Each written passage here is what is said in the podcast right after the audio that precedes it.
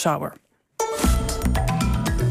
Buitenland uitgelicht. Dejar las armas y la guerra que perdió toda intensidad permitió que científicos entraran a la serranía del Perijá, antes bloqueada por la guerrilla, para completar una investigación que la guerra truncó, la del segundo dinosaurio colombiano.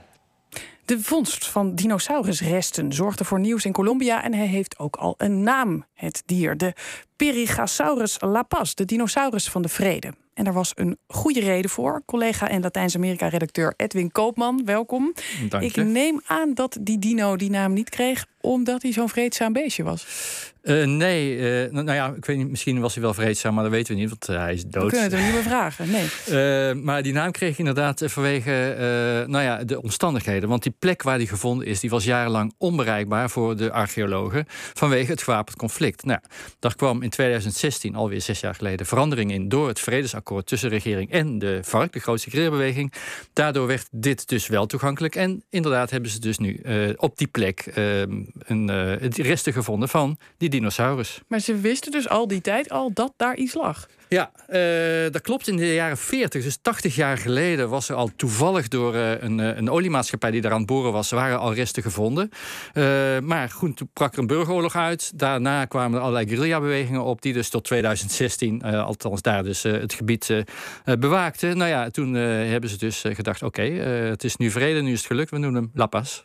Maar het is in Colombia toch verre van vredig hè, op dit moment. Hoe, hoe konden ze dan toch aan het werk met, met deze Nou, resten? Nou ja, op, in die plek, het is ook een gebied waar veel inheemse eh, eh, eh, mensen wonen. die, daar is het relatief rustig gebleven. Er gebeurt nog wel eens wat, maar het is nu al genoeg om archeologen aan het werk te houden. Maar het klopt inderdaad, de rest van Colombia, met name in het zuiden, gaat het juist heel slecht. Er worden vooral boerenleiders vermoord door nieuwe guerrilla-groepen, of, eh, of al oude, maar die nog steeds eh, actief zijn, en paramilitairen.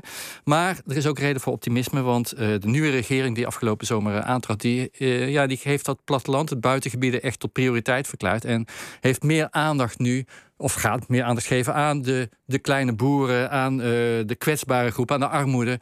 Met het idee van we gaan het anders doen, dus nu moeten de problemen echt worden opgelost. Maar die voormalige guerrilla, begreep ik, speelde ook nog een rol bij deze vondst, hè?